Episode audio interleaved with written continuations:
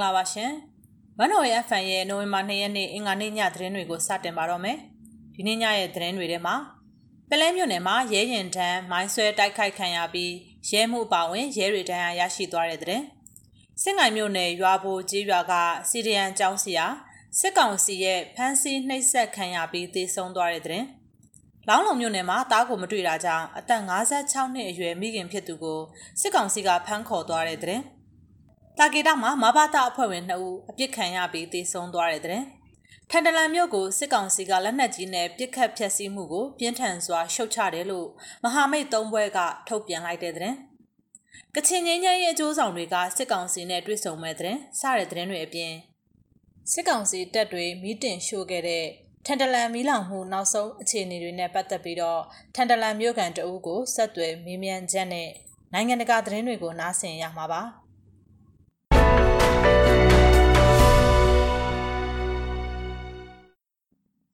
စကိုင်းတိုင်းပလဲမြို့နယ်ပလဲကံကောလန်းနဲ့နွယ်လျှောက်ရွာကြားဖွံ့ဖြိုးရေးလမ်းပေါ်မှာနိုဝင်ဘာ၁ရက်နေ့မနေ့ည12နာရီအချိန်ကရဲကားတစ်စီးနဲ့ရဲဆိုင်ကယ်၃စီးကိုမိုင်းဆွဲတိုက်ခိုက်ခဲ့တယ်လို့ပလဲ PDF အဖွဲ့တာဝန်ရှိသူကပြောပါတယ်။အဲ့ဒီတိုက်ခိုက်မှုကြောင့်ရဲမှုအပါဝင်ရဲအများပြားတရားရရှိပြီးတော့တဦးသေဆုံးသွားတယ်လို့သူကပြောပါတယ်။ပောက်ကွဲမှုဖြစ်ရာနေရာဟာပလဲမျိုးနဲ့တမိုင်သာဝေးပြီးတော့ ရဲတပ်ဖွဲ့ဘက်ကမြို့နယ်ရဲစခန်းကိုတက်ကူခေါ်ပြီးတနက်နဲ့အချက်ပေါင်းများစွာပြစ်ခတ်နေခဲ့တယ်လို့ဒေသခံတွေကပြောပါတယ်။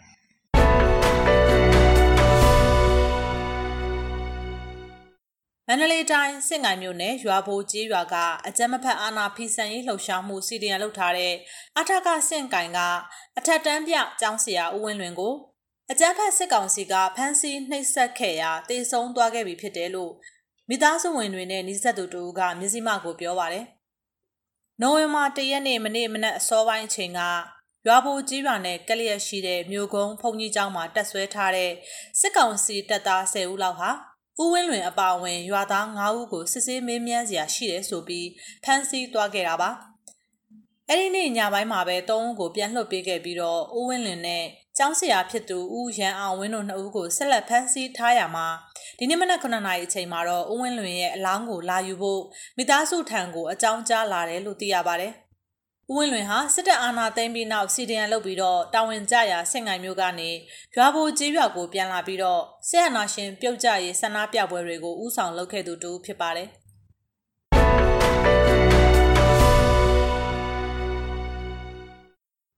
တနင်္သာရီတိုင်းလောင်းလုံမြို့နယ်ပြင်းထိန်ရွာမှာတဝဲခရိုင်တပိတ်ကော်မတီဝင်တဦးဖြစ်တဲ့ကိုမင်းလွင်ဦးကို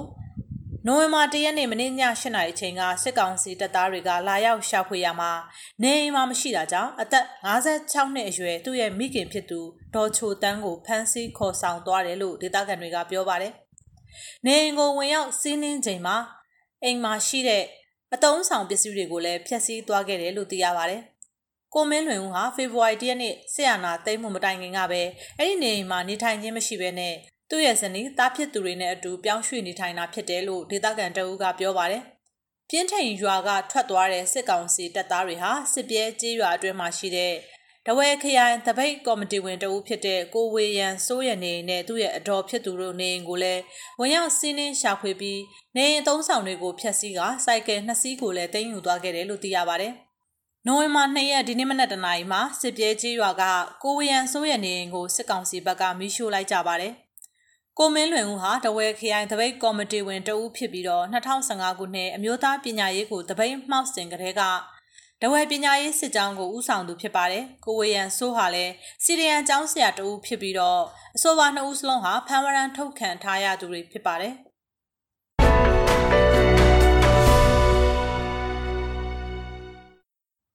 န္တလေးတိုင်းကြောက်စဲခရိုင်ကြောက်စဲမြို့နယ်တင်ပြိုကျေးရွာမှာစစ်ကောင်စီလက်အောက်ခံအုပ်ချုပ်ရေးမှူးဦးသိန်းထေဟာသူ့ရဲ့ရုံးရှိမှာမီတာကြီးပေးဆောင်ဖို့မိုင်းနဲ့အော်ပြောနေစဉ်မှာတနက်နဲ့ပြစ်တက်ခံလိုက်ရတယ်လို့ဒေသခံတွေထံကသိရပါတယ်။နိုဝင်ဘာ၁ရက်နေ့ညနေ6နာရီဝန်းကျင်မှာဦးသိန်းထေကိုတနက်နဲ့ဝင်ရောက်ပစ်ခတ်ခဲ့တာဖြစ်တယ်လို့ Dragon ကြောက်စဲ Defend Fort တာဝန်ရှိသူတို့ကပြောပါတယ်။ စစ်ကောင်စီသတင်းပေးလို့အများကသတ်မှတ်ထားတဲ့ဦးသိန်းထေးဟာအသက်50ဝန်းကျင်အရွယ်ရှိပြီဖြစ်တယ်လို့ဒေသခံတွေကပြောပါတယ်။အကြမ်းဖက်စစ်ကောင်စီခန့်သတင်းပေးဒလန်တွေပြူစောထီတွေဒလန်အုပ်ချုပ်ရေးမှုတွေကိုနှုတ်ထွက်မှုမရှိရင်အဲ့ဒီလိုဆက်လက်လှုပ်ဆောင်သွားမှာဖြစ်တယ်လို့ DKDF ကလူမှုကွန်ရက်စာမျက်နှာကနေတဆင့်သတင်းထုတ်ပြန်ထားပါတယ်။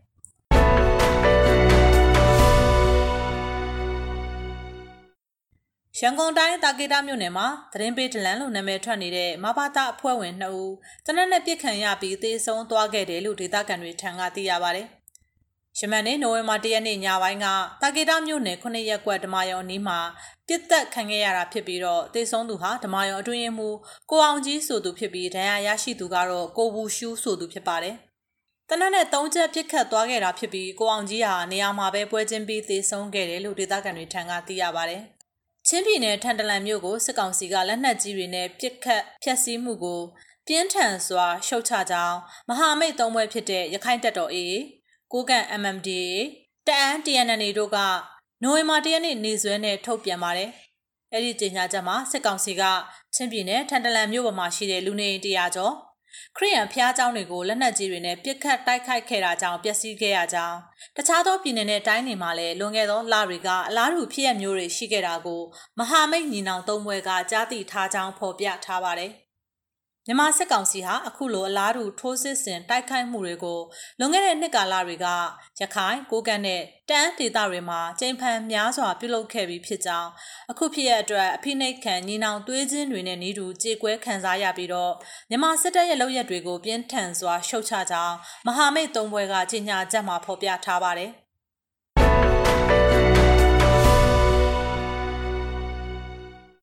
ငင်းညမ်းရေးအပြည့်အခတ်ရစဲရေးနဲ့ကချင်ပြည်နယ်မှာရှိတဲ့စစ်ဘေးရှောင်တွေနေရပြန်နိုင်ရေးအတွက်လို့ဆိုပြီးကချင်ငင်းညမ်းရေးအကျိုးဆောင်တွေနဲ့စစ်ကောင်စီတို့နိုဝင်ဘာ၁ရက်နေ့ကနေပြည်တော်မှာတွေ့ဆုံခဲ့ကြပါတယ်။အကြမ်းဖက်စစ်ကောင်စီကဖိတ်ကြားခဲ့တာကြောင့်ငင်းညမ်းရေးဖော်ဆောင်မှုညှိနှိုင်းရေးကော်မတီ NSPNC ကဗိုလ်ချုပ်ကြီးရာပြည့်ဦးဆောင်တဲ့အဖွဲ့ဘာသာရေးအဖွဲ့အစည်း6ဖွဲ့ကကိုယ်စားလှယ်တွေကချင်ငင်းညမ်းရေးအကျိုးဆောင်အဖွဲ့ PCG ကိုယ်စားလှယ်တွေတွေ့ဆုံခဲ့ကြတာပါ။ တိုက်ပွဲဖြစ်တာကဖြစ်တာပေါ့ငင်းငယ်ရဲ့အတွက်ကဆက်လုံနိုင်အောင်ပေါ့ပြည်တွင်းရွှေ့ပြောင်းနေထိုင်သူတွေ IDP တွေနေရပြန်ဖို့အခက်အခဲဖြစ်နေတဲ့အတွက်ကြောင့်ငြိမ်းချမ်းရေးရရှိဖို့ပထမအဆင့်ဖြစ်တဲ့အပြည့်အခက်ရစဲရေးဘလို့လုပ်ရင်ကောင်းမလဲဆိုတာမျိုးဆွေးနွေးကြတာပါလို့ PCG အဖွဲ့ကဦးလမိုင်ခွန်ဂျာကပြောပါတယ်ကချင်လွတ်လပ်ရေးတပ်မတော် KIA နဲ့ဖြစ်ပွားခဲ့တဲ့တိုက်ပွဲတွေ UNG နဲ့ပတ်သက်တဲ့နိုင်ငံရေးအခြေအနေတွေကိုတော့ဆွေးနွေးမှုမရှိဘူးလို့သူကဆိုပါတယ် အရင်ကရှိခဲ့ပြီးသားဆွေးနွေးမှုတွေကိုနောက်ဆက်တွဲအဖြစ် INDB အရေးတွားရောက်တွေ့ဆုံခဲ့တာဖြစ်ပြီးကချင်လွတ်လပ်ရေးအဖွဲ့ KIO ရဲ့သဘောထားလည်းမပါဝင်ဘူးလို့သိရပါတယ်။ဒါပေမဲ့တွေ့ဆုံမှုမှာပါဝင်တဲ့ကချင်နှစ်ချင်းခရီးရန်အဖွဲ့ချုပ် KBC ဟာလူမှုအပေါ်ဩဇာရှိတဲ့အဖွဲ့တစ်ဖွဲ့ဖြစ်ပြီးတော့ PCG ဟာလည်းအာဏာမသိမ်းခင်ကတည်းက KIA နဲ့စစ်ကောင်စီတို့အကြားတိုက်ပွဲတွေရော့ကျရေးလှုပ်ဆောင်ခဲ့တဲ့ဂျားကန်အဖွဲ့အစည်းဖြစ်ပါတယ်။ ကချင်ပြည်နယ်မှာနေရစွန့်ခွာခဲ့ရတဲ့ပြည်သူတသိန်းကျော်အတွက်နေရာချထားရေးဆွေးနွေးတာဟာကောင်းမွန်တဲ့လုပ်ရဖြစ်ပေမဲ့လည်းနိုင်ငံရေးအရကြည့်မယ်ဆိုရင်အခြေအနေနဲ့မကိုက်ညီတာကြောင့်ထောက်ပြစရာဖြစ်တယ်လို့နိုင်ငံရေးလေးလာသုံးသက်သူဦးတန်းစိုးနိုင်ကဆိုပါတယ်။အခုတွေ့ဆုံမှုနဲ့ပတ်သက်ပြီးတော့မှတ်ချက်တောင်းခံဖို့ကချင်လွတ်လပ်ရေးအဖွဲ့ KIO ထံမြစည်းမကဆက်သွယ်ဖို့စ조사ခဲ့ပေမဲ့လည်းဖုန်းအဆက်အသွယ်မရရှိခဲ့ပါဘူး။ ဒါပေမဲ့ KIO အနေနဲ့အာဏာရှင်စန့်ကျင်တဲ့ဘဲအဖွဲ့အစည်းနဲ့မဆိုလက်တွဲသွားမှာဖြစ်ကြောင်းဗိုလ်ချုပ်ကြီးအမ်ဘန်လာကအောက်တိုဘာ25ရက်နေ့မှာကြာရောက်တဲ့ KIO 62နှစ်ပြည့်အထိမ်းအမှတ်မှာဥက္ကဋ္ဌမေကွန်မှာဆိုထားပါတယ်။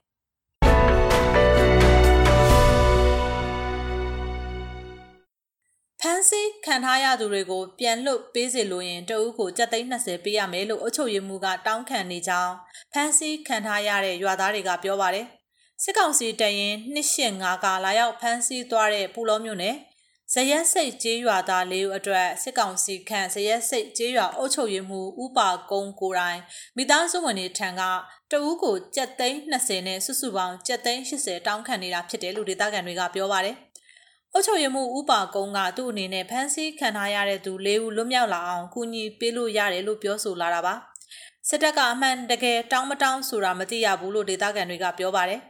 ဥပကုန်းဟာကြေးရွာထဲမှာအခွန်အကောက်တွေကောက်တဲ့နေရာမှာနာမည်ကြီးတစ်ယောက်ဖြစ်တယ်လို့ဒေသခံတွေကဆိုပါတယ်။ဇရက်စိတ်ကြေးရွာက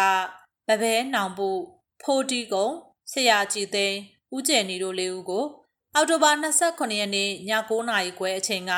တရင်နှစ်ရှင်ကစစ်သားတွေကအကြောင်းပြချက်မပေးဘဲနဲ့လာရောက်ဖမ်းဆီးခေါ်ဆောင်သွားခဲ့တာပါ။ဇရက်စိတ်ကြေးရွာဟာ ဘိတ်ပလောလမ်းမကြီးမှာတည်ရှိတဲ့ကျေးရွာတရွာဖြစ်ပြီးတော့အဆိုပါကျေးရွာနဲ့ကက်လျက်မှာရှိတဲ့တဘိုကျေးရွာဖျားကုန်းနေရာမှာလဲအောက်တိုဘာ26ရက်နေ့မနက်ပိုင်းကစစ်ရင်နဲ့မိုင်းခွဲခံရမှုဖြစ်ရတစ်ခုဖြစ်ပွားခဲ့ပါသေးတယ်။အဲ့ဒီမိုင်းခွဲခံရမှုဖြစ်ရနဲ့ပတ်သက်ပြီးတော့ဇရက်စိတ်ကြီးရွာကရွာသား၄ဦးကိုဖမ်းဆီးတာဖြစ်နိုင်တယ်လို့ဒေသခံတွေကပြောဆိုနေကြပါတယ်။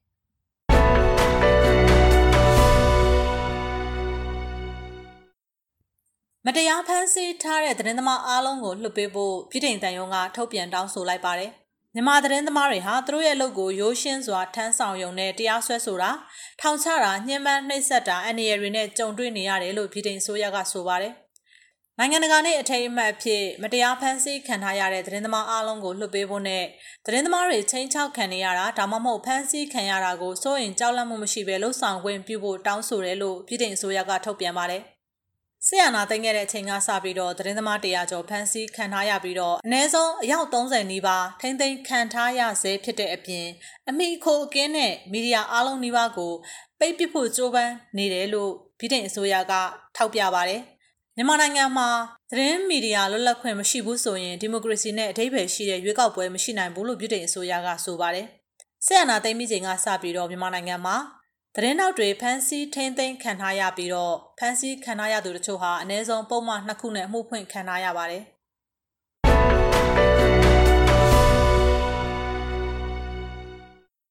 ချင်းပြည်နယ်ပလက်ဝမြို့နယ်မှာနိုဝင်ဘာ2ရက်နေ့ဒီနေ့မနက်ပိုင်းကအင်အားတရာဝန်းကျင်နဲ့လုပ်ခဲ့တဲ့တက်မတော်ထောက်ခံပွဲကိုစစ်ကောင်စီတပ်က drone နဲ့မှတ်တမ်းရိုက်ကူးခဲ့ပြီးတော့အဲ့ဒီထောက်ခံပွဲကိုတအိမ်တယောက်နှောမဖြစ်မနေလိုက်ခဲ့ကြရတယ်လို့ဒေသခံတွေကပြောပါတယ်။ တက်မတော်ထောက်ခံပွဲဖြစ်ပလဝမြို့တင်မောစိတ်ကန်းကနေမြို့ရဲကိုခူမီရိုးရာပြတိုက်ရှိအထိလမ်းလျှောက်ခဲ့ကြရတယ်လို့ဒေသခံတွေကဆိုပါတယ်။အဲဒီတက်ထောက်ခံပွဲမှာမတက်မနေရတရင်တယောက်လိုက်ခေါ်ထားသူတွေဌာနဆိုင်ရာဝန်ထမ်းတွေစစ်ဘေးရှောင်စခန်းကစစ်ရှောင်တွေနေဆက်ဒေသတိုင်းရင်းသားလူငယ်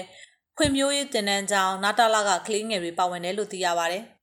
တက်ထောက်ခံပွဲမှာပါဝင်သူအများစုဟာနာတာလာတင်နန်းကျောင်းကကလေးငယ်30ကျော်နဲ့ပြခိုင်ဖြိုးပါတီဝင်တချို့သာရှိပြီးတော့ဒေသခံချင်းလူငယ်အနည်းငယ်သာပါရှိတယ်လို့သိရပါတယ်။ပလဝမြို့နယ်ဟာစစ်ကောင်စီတပ်နဲ့အေးလက်နက်ကင်တို့အကြားဖြစ်ပွားတဲ့တိုက်ပွဲတွေမှာနေအိမ်တွေမိရှို့ဖျက်ဆီးခံရတဲ့အပြင်ချင်းပြည်နယ်အတွင်းပထမဆုံးစစ်ဘေးတင်တဲ့မြို့နယ်ဖြစ်ပြီးစစ်တပ်ကလေရင်နဲ့ဘုံကျဲခဲ့တာကြောင့်ဝမရွာတရွာလုံးပျက်စီးခဲ့ရတဲ့ဖြစ်စဉ်တွေရှိခဲ့ပါတယ်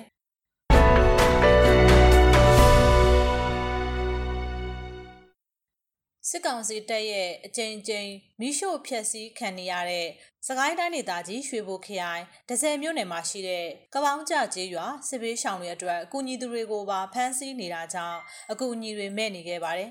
ပထမအကြိမ်တုန်းကအကူအညီကယ်ဆယ်ရေးတွေလူငယ်တွေတက်ကြွစွာလုပ်ခဲ့ပေမဲ့စစ်ကောင်စီတပ်ကစစ်ဘေးရှောင်တွေကိုကူညီတဲ့သူတွေကိုအိမ်တိုင်းဝင်ရောက်ပြီးတော့ဖမ်းဆီးတာတွေလုပ်ထားတော့နောက်အကြိမ်ကြီးတွေမှာဘယ်သူမှကူညီကယ်ဆယ်ရေးတွေမလုပ်ရဲကြတော့ဘူးမြို့ပေါ်ကလူငယ်တွေက အဲ့လိုတွေဖြစ်ကုန်တော့အခုစစ်ဘေးရှောင်တွေကကိုဟာကိုအဆင်ပြေတဲ့နေရာကနေရှာဝေစားတောက်နေရတာတွေတော့ရှိတယ်ဗျကြားလာတော့တော်တော်လေးကြားနေပြီဆိုတော့ခက်ခဲရတော့ဖြစ်တာပေါ့ဗျာစကိုင်းတိုင်းဒေသကြီးရွှေဘိုခရိုင်တစဲမြို့နယ်မှာရှိတဲ့ကာပေါင်းကြကျေးရွာကိုစစ်ကောင်စီတပ်ဖွဲ့တွေတပ်ဆွဲထားတာအခုဆိုရင်15ရက်ဝန်းကျင်ရှိပါပြီသူတို့ကခုတပ်ဆွဲထားတာက15ရက်လောက်ရှိပြီဗျ15ရက်လောက်ရှိပြီအဲ15ရက်လောက်အတွင်းကိုတရက်ကို2အိမ်ရှိုးလိုက်3အိမ်ရှိုးလိုက်5အိမ်ရှိုးလိုက် စိန်ရှိုးနိုင်တယ်အဲ့လိုမျိုးရှိုးနေတာကယနေ့ထိပါပဲနေတိုင်းရှိုးနေတာပါရွာထဲမှာရှိတဲ့ကြက်ဝက်နွားတွေလည်းတက်ဆက်စားတောင်းနေပါတယ်နေအိမ်နဲ့ရှိတဲ့ပစ္စည်းတွေလည်းအကုန်လုံးမွေးနောက်ဝင်ယူထားတာတွေရှိပါတယ်ဗျဟုတ်ရွာတွေကအိမ်တွေကိုမိရှို့ဖျက်ဆီးတာတွေအချိန်ချင်းပြုတ်လုံနေလို့ဒေသခံတွေကဘေးလွတ်ရာတောတွေထဲထွက်ပြေးတိမ်းရှောင်နေကြရပါတယ်ကိုအိမ်ပါသလားမပါသလားမသိမသိသေးဘူးကိုအိမ်ကရွာလေကောင်ဆိုတော့ ညီမညီမအိမ်ကတော့အစွန်ဆိုတော့အဝေးကနေလှမ်းကြည့်ရလို့မိတဲ့ကိုပါသွားမှသိရပြီးပါပြီသူတို့ကလည်းအိမ်ခွဲထားတာအိမ်စောက်ထားတာမကြသေးဘူးတစ်နှစ်လောက်ရှိသေးတာရှိသူမဲစုလေးနဲ့စုဆောင်ပြီးတော့နေစရာမရှိလို့မို့စောက်ထားတဲ့အိမ်လေးခုမြောင်လိုက်အာနာ သိန်းရွာတဲ့ကာပေါညရွာတဲ့တောင်ကျန်းအဲမရှိရှိစောက်ထားရှာကြရတဲ့အိမ်လေးတွေအကုန်ပါသွားပြီမိတယ်ကိုဒီလိုကြိမ်ကြိမ်ဝင်ရောက်အကြမ်းဖက်တဲ့အပြင်လက်ရှိမှာလဲရွာရဲ့မြောက်ဘက်မှာရှိတဲ့ဘုံကြီးကျောင်းမှာတက်ဆွဲထားဆဲဖြစ်လို့ဒေသခံတွေရွာထဲကိုမပြန်ရဲပဲရှိနေပါတယ်အ ခုလိုကိုယ့်အိမ်နဲ့နေရက်ကိုစွန့်ခွာပြီးတော့တော့တဲ့နေရနေရတာလဲစိတ်မကောင်းပါဘူးသူတို့စစ်ခွေးတွေပြန်သွားပြီးမှကိုယ့်အိမ်ရှိသေးသလားရှိသေးသလားပြန်ရွာတဲ့ဝင်ကြည့်ရမှာခုကတော့တော့တဲ့တောင်နဲ့မယ်မိုးရွာလိုက်နေပူလိုက်အမိုးအကာမလုံးမချုံနဲ့စင်စင်ရဲရဲနေနေရတာ စစ်ကောင်စီတပ်တွေကရွာသားတွေရှိလောက်မယ်လို့ခန့်မှန်းရတဲ့တောတွေထဲလက်နက်ကြီးတွေနဲ့ရန်တမ်းပစ်ခတ်တာတွေလည်းရှိနေတယ်လို့စစ်ရှောင်နေရတဲ့ဒေသခံကပြောပြပါဗျ။အခုတစ်ခေါက်ကတော့သူတို့အင်အား100လောက်ရှိမယ်ဗျာရွာထဲဝင်နေတာကအရန်ကြာနေပြီပြစ်ခတ်တိုက်ခိုက်တာတွေလည်းရှိတယ်ဗျာအရင်ခေါက်တွေကဆိုရွာသားတွေရွာသူရွာသားတွေတေဆုံးတာတွေထိခိုက်ဒဏ်ရာရတယ်အရန်များတယ်ဗျာဟောအင်ဂျီတွေကလည်းခေါက်တိုင်းဝင်ဖြက်စီးနေတာဆိုတော့တရွာလုံးလည်းပြောင်းလူနီးပါးဖြစ်နေပါပြီဗျာအ ခုကပေါင်းညရွာကတော့စေဝေးဆောင်ကတော့ရွာလုံးကျွတ်ပါပဲရွာကိုမပြန်ကြတာကြာပြီရွာထဲမှာလည်းအခုကသူတို့ကစစ်ကောင်စီတပ်တွေကတက်ဆွဲထားတာဆိုတော့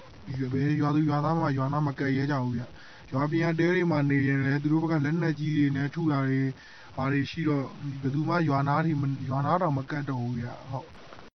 ဒါအပြင်လေကြောင်းအသုံးပြုမှုတွေပါရှိလာတဲ့အတွက်ဒေသခံတွေအနေနဲ့ဘေးလွတ်ရာစီတင်းရှောင်ရမှာပိုပြီးအခက်ကြုံနေရပါတယ်။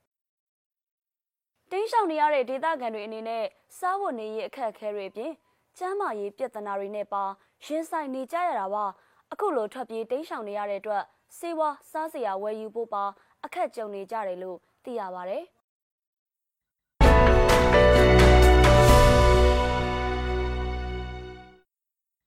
အောက်တိုဘာ29ရက်နေ့မနက်ပိုင်းကစတင်ပြီးတော့ချင်းပြည်နယ်ထန်တလန်မြို့ပေါ်မှာစစ်တပ်ကလက်နက်ကြီးတွေနဲ့ပစ်ခတ်မှုမီတင်ရှို့မှုတွေကြောင့်ဖျားကြောင်းနှစ်ကြောင်းအပါအဝင်ရက်ကွက်၅ခုကလူနေအိမ်စုစုပေါင်း164လုံးမိလောင်ဆုံးရှုံးခဲ့တယ်လို့ဒေသခံတွေရဲ့ကောက်ယူထားတဲ့စီးရင်တွေအရသိရပါတယ်။စစ်ကောင်စီတပ်တွေမီတင်ရှို့ခဲ့တဲ့ထန်တလန်မြို့မိလောင်မှု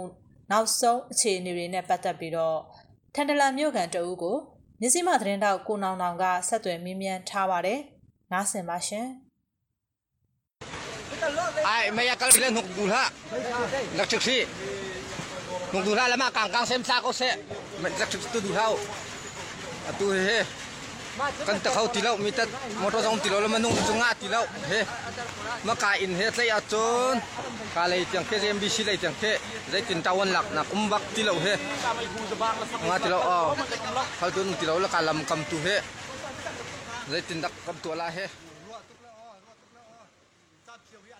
အခုရဲ့ဟိုပေါ့ဒီမီရှိုးခံလိုက်ရတဲ့ထန်တလန်မြို့ရဲ့နောက်ဆုံးအခြေအနေဘယ်လိုရှိပါသလဲခင်ဗျာ အောက်တိုဘာ29ရက်နေ့ဟိုဟာမနေ့ပိုင်း9နာရီလောက်ကနေပြီးတော့စစ်ကောင်စီတပ်တွေကထန်လန်မြို့တွင်းမှာမိရှူတာပေါ့နော်။အာမိရှူတာအစပိုင်းမှာတော့အမှတ်2ရုပ်ကကနေစတယ်။အဲဒီအမှတ်2ရုပ်ကနေစပြီးတော့ဟိုဟာထပ်ပြီးတော့အာဇွန်ဟွန်ရက်ကွက်လို့ပြောတဲ့ရက်ကွက်တစ်ခုကိုထပ်ပြီးတော့လောင်နေပြောဟို market ရက်ကွက်ပြောဟိုပြတ်ရက်ကွက်ပြောအာ လုံးပြရက်ကွက်တီဘောရက်ကွက်လေးပြော TABC ရက်ကွက်အဲဒီရက်ကွက်ငါခုစလုံးထဲမှာစုစုပေါင်း164လုံးလောင်သွားတာပေါ့ဟုတ်ကဲ့အဲတော့အဲဒီအင်ဒီဘူးဟာမြူထေးမှာလူတွေမရှိတော့လို့မိမိမဲ့သူတွေလည်းမရှိဘူးမိတကားလည်းမရှိတော့ဒီတိုင်း164လုံးကပြတ်ကျသွားတာပေါ့ဟုတ်ဆိုတော့အခုအဲ့ဒီမီးလောင်သွားတဲ့အိမ်တွေကိုဒေသခံတွေကသွားကြည့်ဖြစ်ကြသေးလားဘယ်လိုအခြေအနေရှိလဲဗျ အာဒီတာခဏမကြည့်ဖြစ်ကြဘူးကြည့်လို့မရဘူးကြည့်လို့မရတဲ့အခြေအနေဖြစ်နေတယ်စစ်ကောင်စီတပ်တွေကသူက drone ဆင်းပြောလေအာမြို့ထင်းလာမဲ့သူတွေကိုဝေးကနေပစ်တာဆိုတော့ဘယ်သူမှဝင်ဝင်လို့မရတဲ့အခြေအနေဖြစ်နေတယ်ဒီတိုင်းဟိုအဝေးကနေပဲကြည့်ရတာပေါ့ဟုတ်မြို့ထဲဝင်လို့မရဘူးဖြစ်နေတယ်မီးလောင်သွားတဲ့အထက်မှာအကိုတို့နေအိမ်တွေရောပါသွားလားအဲ့ဒီအခြေအနေကျွန်တော်တို့ကိုနည်းနည်းလောက်ပြောပြပေးပါလားခင်ဗျအင်းဟိုလောင်သွားတာကဟို အားလုံးစုစုပေါင်း164လုံးဆိုတော့တော်တော်များတာပေါ့သူက first line အဓိကအပြင်မှတ်2ရက်ကွက်နဲ့မှတ်3ရက်ကွက်ဟို first line ရောကုန်ပါသွားတာပေါ့ဟုတ်အဲ့ဒီမှာကျွန်တော်အကူတိုင်အိမ်တော့မပါပဲမြကျွန်တော်ဆွေမျိုးအိမ်လေးလည်းပါတယ်164လုံးဆိုတော့တော်တော်များတာပေါ့ဟုတ်ကဲ့အဲဒီထန်တလန်မြို့မီးလောင်တာနဲ့ပတ်သက်ပြီးတော့ဒီအာနာသိန်းစစ်ကောင်စီကတော့ဒီဒေသခံ အဲကာကွယ်ရေးတပ်တွေ CDF တွေကမီးရှို့တာပါဆိုပြီးတော့သူတို့ထုတ်ပြန်ခဲ့တယ်လေဆိုတော့အဲ့ဒီအပေါ်မှာရောအကိုတို့ data ခန့်တယောက်အနေနဲ့ဘယ်လိုတုံ့ပြန်ချင်ပါသလဲခင်ဗျဟုတ်ကဲ့အဲ့ဒါကဟို data ခံကကိုရတဲ့ CDF ထန်တန်အထွေကတော့ဟို P2 ရဲ့တက်ကို P2 ရဲ့ safety ဘယ်လိုဖြစ်မလဲဆိုတဲ့ဟာကိုအများအားစဉ်းစားရောဆိုတော့တို့က အာ P2 အင်ဂျီကိုမရှိမှာတော့မဟုတ်ဘူးမရှိတော့လုံးဝမဟုတ်ဘူးအဲ့ဒါကိုစစ်ကောင်စီတပ်တွေကနေလက်လက်ကြီးကနေဝိတ်ကနေလာပစ်ပြောနှစ်ရက်ကွက်ကနေဆောက်လာတာအဲ့ဒါကိုကြောင့်မှတို့ကထပ်ပြောတခြားနေရာကိုထပ်ပစ်ပြောငါးနေရာလောက်ကနေအာမီလောင်ခဲ့တာပေါ့ဟုတ်ကဲ့အဲ့ဒါတော့အာဒီမီလောင်တာတော့လုံးဝကိုစစ်ကောင်စီလက်ချက်ပါပဲဟုတ်ဆိုတော့ထန်တလန်လိုနေရာမျိုးမှာအင်တဆောင်ဆောက်ဖို့ဘယ်လောက်ထိခက်ခဲလေအကွဲဒီအခြေအနေကျွန်တော်တို့ကနည်းနည်းတော့ပြောပြပေးပါလားခင်ဗျာ အာအင်းတဲ့အင်းကောင်းကောင်းလေးဆောက်မယ်ဆိုရင်ထန်တလန်ဘက်မှာကုန်ကျစရိတ်ကတင်း900လောက်ထိဝန်ကျင်ကိုအာပြန်ရအချင်းကုန်တာပေါ့နော်ဥမာဟိုပူကောင်းတဲ့ဟာဆိုရင်တထောင်ကျော်တဲ့ဟာကြီးလည်းရှိတယ်ပြီးတော့အာပူ100 200လောက်နဲ့ဆောက်လို့ရတဲ့ဟာကြီးလည်းရှိတယ်ပေါ့အာပြန်ရအချင်း900တင်း900လောက်နဲ့ကုန်ကျတဲ့ဟာကြီးရှိတယ်အဲ့ဒါကိုဟာဒီဘက်မှာလောက်အားခါနဲ့ဝန်ထမ်းကဟိုဒီဘက်မှာလောဝန်ထမ်းက အာအခြေအနေရင်းတဲ့ချိန်ဆိုရင်ဟိုတလမှာဟိုနှစ်သိန်းခွဲသုံးသိန်းလောက်ပဲလာစားရကြတာဆိုတော့အာစဉ်းစားကြည့်လိုက်ရင်ဘယ်လောက်ထိခက်ခဲမလဲပေါ့နော်အေးလာစားနေဟိုဆူပြီးတော့ဆောက်နေစင်ပေါ့ဆိုတော့ဟိုနိုင်ငံခြားမှာရောက်တဲ့အာဆွေမျိုးရဲ့ထုတ်ပတ်မှုနဲ့ အာဆောက်ခဲ့ကြတာပေါ့ဟုတ်ကဲ့တော်တော်များများကတော့ဟိုအိမ်ဆောက်ရတာတော်တော်လေးစုရပါတယ်ဟုတ်ဟိုနောက်ဆုံးအနေနဲ့အခုလိုမီရှိုးခံရတာတွေနဲ့ပတ်သက်ပြီးတော့ဘာတွေပြောပြချင်လဲခင်ဗျကျွန်တော်တို့ဒီ CDF ထန်စာဖက်ကတော့ဟိုပါပေါ့အာ P2E အတွက်ကို Defense Force ရောကာကွယ်ရေးတပ်ပေါ့နော် P2E ကိုကာကွယ်ရမယ့်တပ်ဆိုတော့အာဒီတိုင်းစစ်ကောင်စီတပ်တွေကနေပြီးတော့အာဒီ CDF ကိုအဲတို့ကဟိုအရင်လူချင်းတို့အဲ့လိုမျိုး CDF ကိုမလောက်နိုင်တာနဲ့မြို့သေးမှာပေါ့မြို့သေးမှာ P2E အင်ကိုဒီလိုပစ်တက်ပြရတာဆိုတော့စစ်ကောင်စီတပ်ရဲ့လက်ချက်တွေကိုကြောင့်ဒီလောက်အင်းလောင်ကြတာပေါ့နော်အဲ့ဒီလိုအာလောင်သွားတော့ထန်တလမြို့နေမြို့ထဲမှာရှိတဲ့ပြည်သူတွေအကုန်လုံးကအခုအာမြို့ထဲမှာတိတ်ပွဲအရင်ကစတိုက်ဖြစ်ခဲ့တော့မြို့ထဲမှာဘယ်သူမှမနေရေရောပြုဘူးဆိုပြီးတော့သူအာရွာဖက်ကိုတင်းချောင်းကြတာပေါ့ဆိုတော့သူအတွက်ဟိုကမြို့ထဲမှာမနေဘဲနဲ့အာစစ်ဘေးဆောင်အာဘယ်လိုပြောမလဲအာ စစ်ဘေးဆောင်အဖြစ်နဲ့ရွာဖက်မှာနေကြဆိုသူအတွက်စာဝင်နေရတဲ့လက်ခေအများကြီးဖြစ်တဲ့သူအမျိုးထေးတင်လာတော့မယ်ဆိုရင်လည်းပဲတို့ကဘယ်လိုပြောမလဲအမျိုးထေးမှာတို့အင်မရှိတော့ဘူးပေါ့နော်အင်ဂျင်ဖို့အင်မရှိတော့ဘူးဖြစ်နေတယ်အဲ့ဒီအတွက်ကိုလည်းအာအာကူညီအများကြီးလူရပေါ့နော်ဟုတ်ကဲ့ကူညီထောက်ပံ့မှုအများကြီးလူလူအပ်ပါတယ်ဟုတ်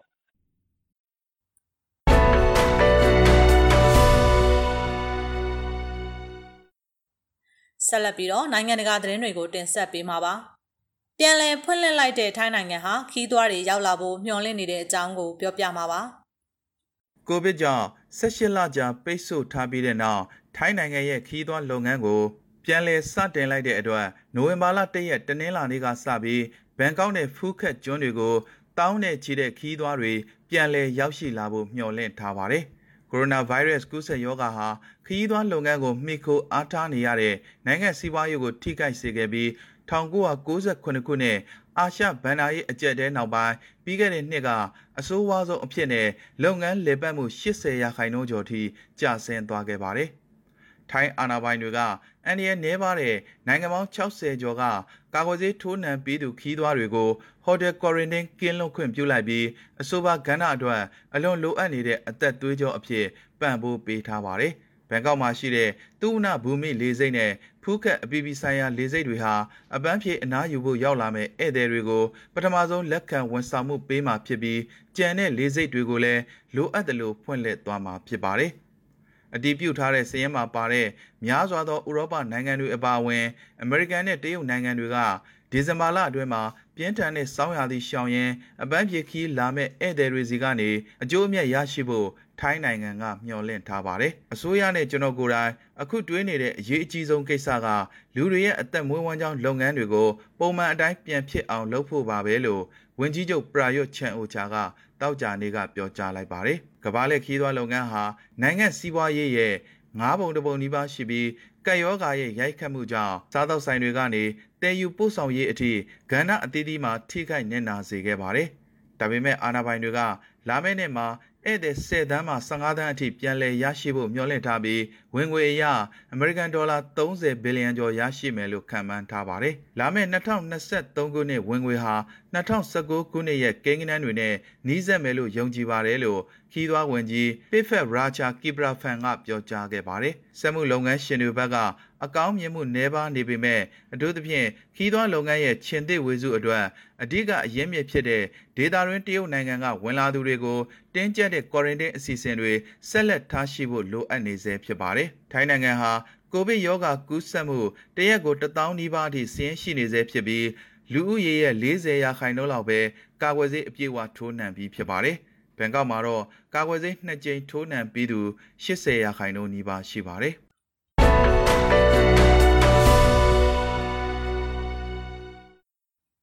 အလွန်ခက်ခဲတဲ့ရွေးကောက်ပွဲအပြီးမှာအနိုင်ရကြောင်းကြေညာလိုက်တဲ့ဂျပန်ဝန်ကြီးချုပ်ကီရှီဒါဆိုတဲ့အကြောင်းကိုနားဆင်ပါရှင်။ ဂျပန်ဝန်ကြီးချုပ်ဖူမီအိုကီရှီဒါဟာ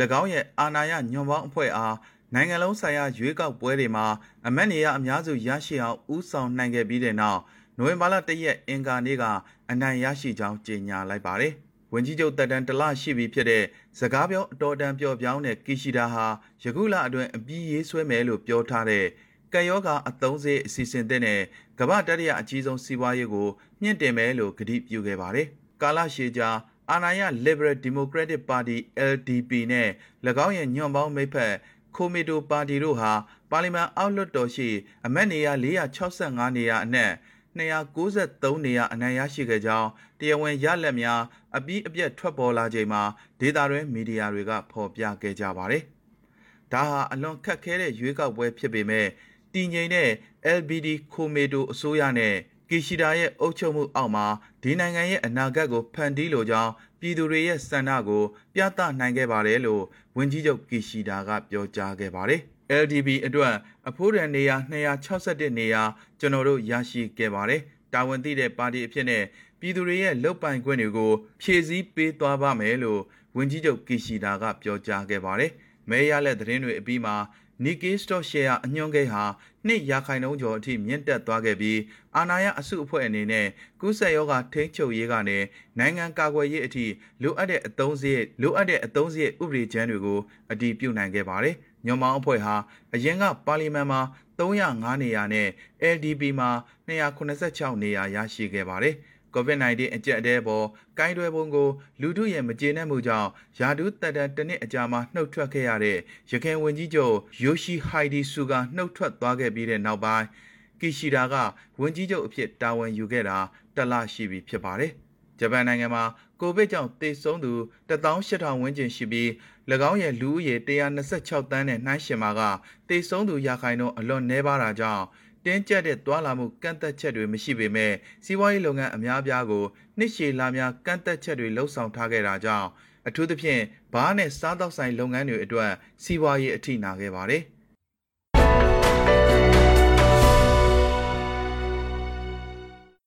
ရာသီဥတုဆိုင်ရာနောက်ဆုံးနဲ့အကောင်းဆုံးမျှော်လင့်ချက်အဖြစ် Glasgow မြို့ထိပ်သီးအစည်းအဝေးကိုကမ္ဘာခေါင်းဆောင်တွေတက်ရောက်ခဲ့ကြပါတယ်။နားဆင်ပါရှင်။ ကမ္ဘာနိုင်ငံပေါင်း120ကျော်ကခေါင်းဆောင်တွေဟာရာသီဥတုဆိုင်ရာအကျက်အတဲကိုကင်တွယ်ဖြေရှင်းဖို့နဲ့ကမ္ဘာလုံးဆိုင်ရာသဘာဝကပ်ဘေးကိုရှောင်ရှားနိုင်ဖို့အတွက်နောက်ဆုံးမျှော်လင့်ချက်အဖြစ်နဲ့စကော့တလန်နိုင်ငံ Glasgow မြို့မှာနိုဝင်ဘာလ၁ရက်အင်္ဂါနေ့ကတွေ့ဆုံခဲ့ကြပါတယ်။အမောင်မိုက်ဆုံးသကောင်ရန်အချိန်ကိုရောက်ဖို့10မိနစ်ပဲလိုတော့တယ်။အခုပဲကျွန်တော်တို့အားလုံးပူးပေါင်းလှုပ်ဆောင်ဖို့လိုတယ်လို့ဗြိတိန်ဝန်ကြီးချုပ်ဘော်ရစ်ဂျွန်ဆန်က၎င်းရဲ့မိန့်ခွန်းကောက်နှုတ်ချက်တွေကထုတ်နှုတ်ပြောကြားခဲ့ပါတယ်။ ဒီကနေ့ရာသီဥတုဖောက်ပြန်မှုကိုအလေးနဲ့မထားဘူးဆိုရင်ကျွန်တော်တို့ကလေးတွေရဲ့မနှက်ဖြန်အတွက်အရန်နောက်ကျသွားလိမ့်မယ်လို့သူကဆိုပါတယ်။ကမ္ဘာလုံးဆိုင်ရာကာဗွန်ထုတ်လွှတ်မှုရဲ့80ရာခိုင်နှုန်းနီးပါးကိုထုတ်လွှတ်နေတဲ့ G20 နိုင်ငံခေါင်းဆောင်တွေရဲ့ဒီသတင်းပတ်အကုန်ပိုင်းကရောမမျိုးထိပ်သီးအစည်းအဝေးဟာ ကံယောဂါကြောင့်တနစ်ရွှေဆိုင်ခဲ့ရတဲ့ Glasgow COP26 ထိပ်သီးအစည်းအဝေးအထမြောက်ဖို့ခိုင်မာတဲ့တွန်းအားဖြစ်စေလိမ့်မယ်လို့မျှော်လင့်ခဲ့ကြပါတယ်။2015ခုနှစ် Paris သဘောတူညီချက်ရဲ့အလေးအထားဆုံးဥတီချက်ဖြစ်တဲ့စက်မှုကဏ္ဍကြောင့်1.5ဒီဂရီဆဲစီယပ်ပိုလာတဲ့ကဘာကြီးပူနွေးလာမှုကိုကန့်သက်နိုင်ဖို့အတွက်အဓိကပန်းနိုင်အဖြစ်ထားရှိလှုပ်ဆောင်သွားဖို့အတွက် G20 ရဲ့စီးပွားရေးနိုင်ငံကြီးတွေက တနင်္ဂနွေနေ့မှာကတိပြုခဲ့ကြပါတယ်။